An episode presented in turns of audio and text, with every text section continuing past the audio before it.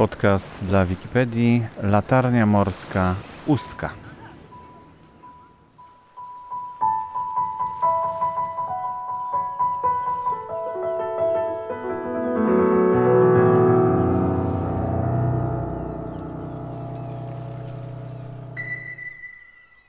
Latarnia morska w Ustce. Jestem dzisiaj e, u pana prezesa mm, Piotra Witkowskiego, prezesa Stowarzyszenia Latarnik. Pan zajął się latarnikami i stowarzyszeniem tych osób, które pracują na latarniach.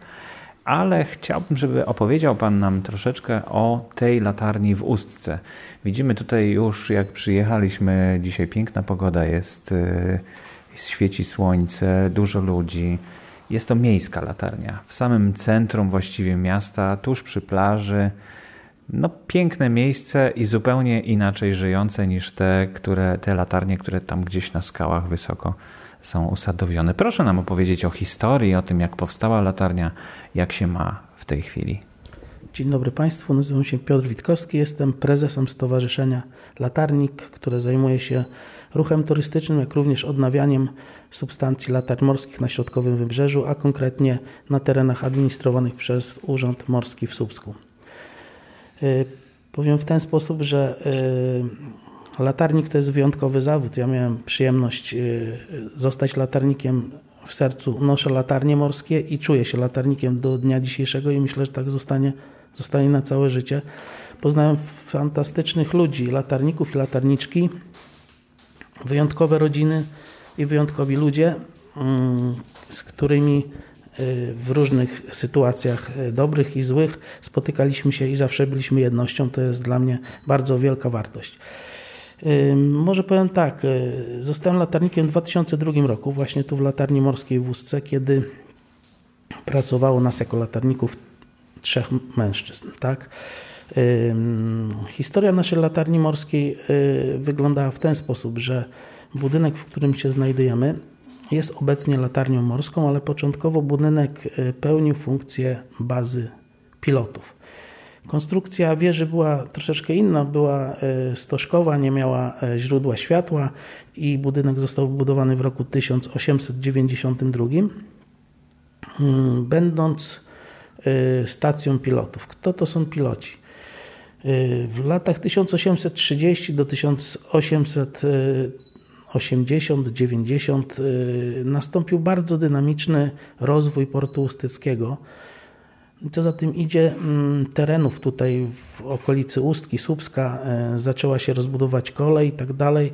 W związku z tym wzrosła również ranga portu, do którego mm, przypływały duże statki i przywoziły różnego rodzaju towary.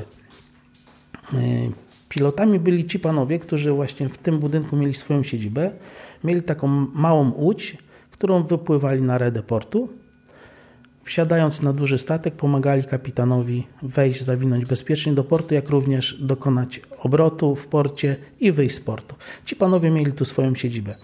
Ale w momencie, kiedy dynamika portu zaczęła wzrastać, y, coraz więcej y, towarów i coraz więcej statków, to wszystko wymusiło E, rozwój również urządzeń portowych, które by pomagały na bezpieczne zawinięcie do portu. Zanim powstał budynek latarni, był maszt olejowy tutaj na dziedzińcu, gdzie wciągano lampę olejową, która, yy, która z, no, z odległości chyba pół mili morskiej wskazywała tutaj wejście do portu. Tak?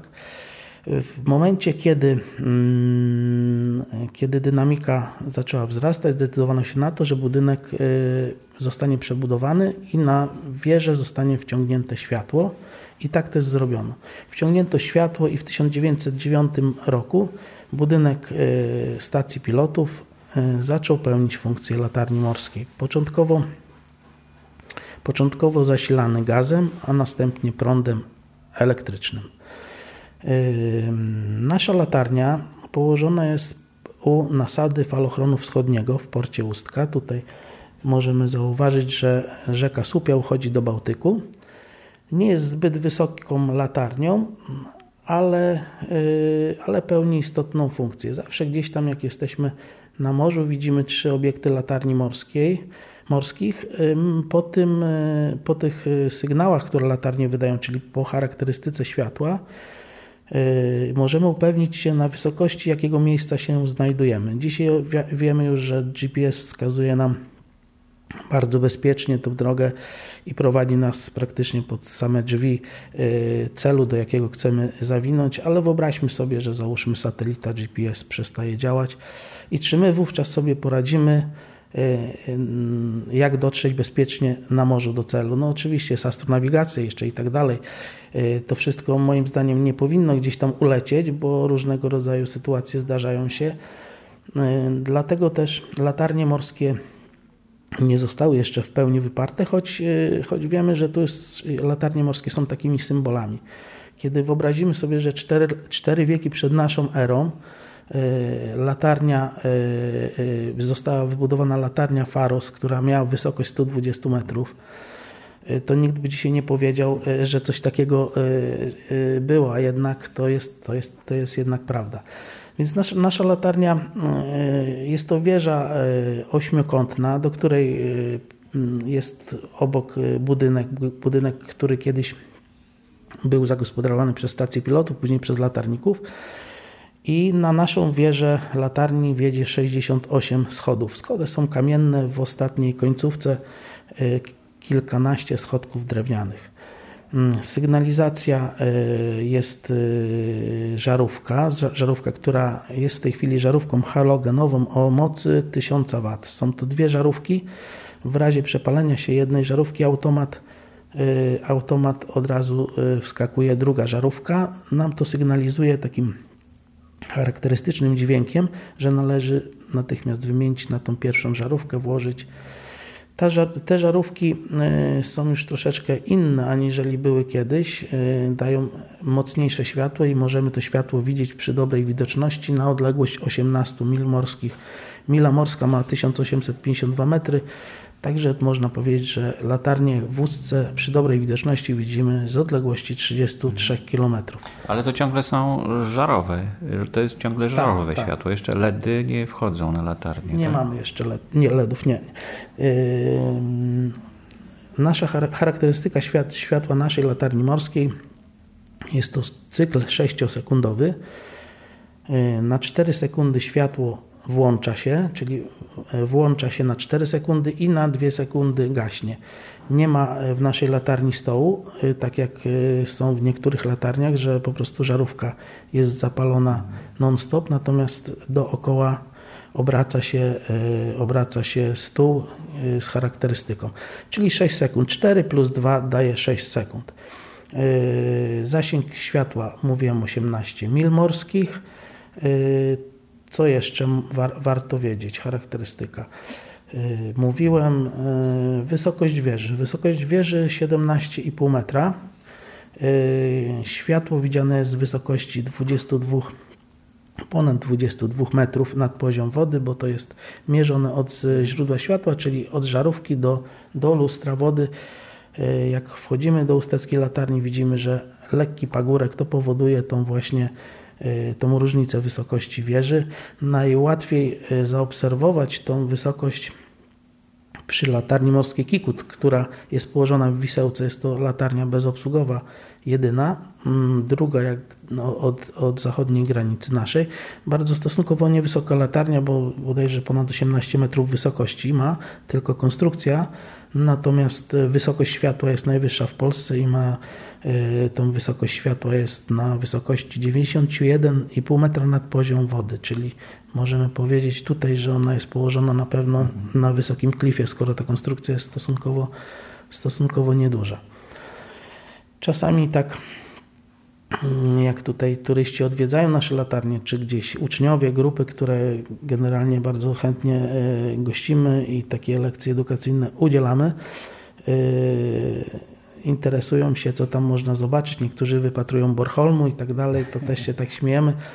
Ułożyliśmy też, mm, ułożyłem, tak mogę powiedzieć, też taką legendę o ustackiej latarni, którą czasami też tam przemycam gdzieś tam tym wszystkich, wszystkim, którzy chcieliby by cokolwiek więcej wiedzieć, a brzmi ona w ten sposób, że dawno, dawno temu mm, pewien rybak z Ustki o imieniu Piotr Miał syna Szymona, z którego uczył zawodu rybaka. W związku z tym często zabierał go gdzieś tam w morze. No i któregoś razu wypłynęli na łodzi. Mm, zerwał się skwał, nieprzyjemne warunki atmosferyczne. Zaczęło bujać łódką. No i niestety Piotr, y, Szymon wypadł, wypadł za burtę. Zatroskany ojciec Piotr szukał, szukał. Niestety nie udało mu się odnaleźć syna. Wrócił do domu. Y, matka bardzo, mm, bardzo, mm, bardzo była, że tak powiem, y, nieszczęśliwa z tego powodu, y, bardzo rozpa zrozpaczona. Tak jak zresztą ojciec próbowali szukać syna. W związku z tym, w związku z tym przyszło im do głowy, że przez parę tygodni nie ma syna, że wybudują właśnie taką ośmiokątną wieżę, zamontują tam światło, żeby mieli nadzieję wciąż, że syn żyje, żeby syn mógł y, trafić po tym świetle gdzieś tam do domu. I tak powstała ta nasza latarnia morska. Y, oczywiście legenda kończy się happy endem, bo Szymon wylądował na duńskiej wyspie Bornholm, tam założył rodzinę, mając już łódź, łódź rybacką, dostrzegł światło i okazuje się, że dotarł do brzegów Ustki, gdzie zobaczył tą piękną latarnię i zobaczył, że ojciec został latarnikiem.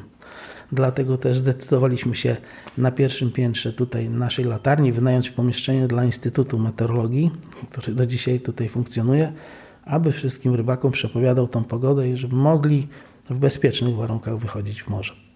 Ale możliwe to jest, żeby zobaczyć tutaj Bornholm z tej odległości, jak jest piękna pogoda? Oczywiście, że to nie jest możliwe, bo do brzegów tej duńskiej, duńskiej wyspy z portu Ustka to jest 64 mile morskie, to tak około 120 km, więc na pewno nie.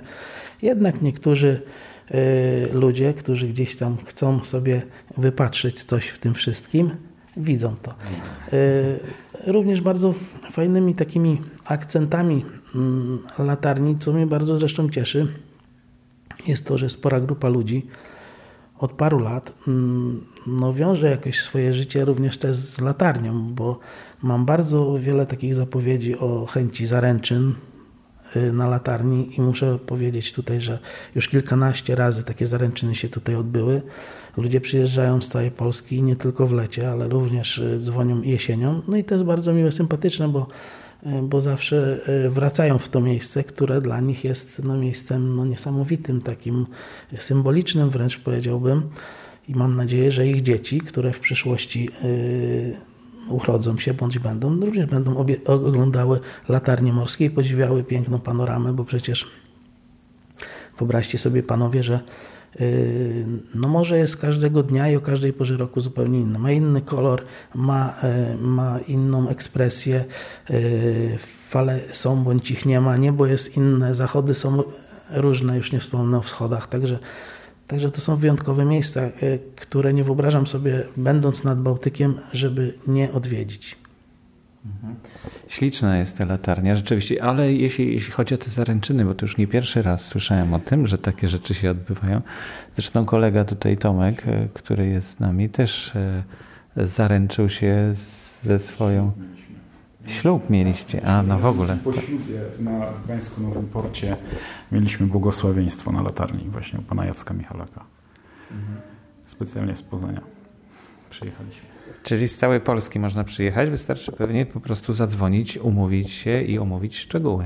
Tak, jak najbardziej. Y, jest to naprawdę bardzo miłe y, wydarzenie, nie tylko, nie tylko dla mnie jako latarnika, że, że te miejsca mogą też w jakiś sposób y, być wyjątkowe, ale dla, dla tych wszystkich, którzy chcą.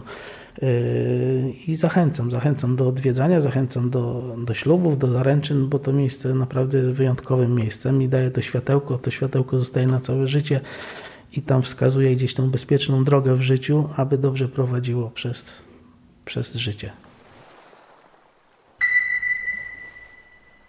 Na koniec audycji proponuję posłuchać jeszcze mm, przez około pół minuty charakterystyki światła latarni.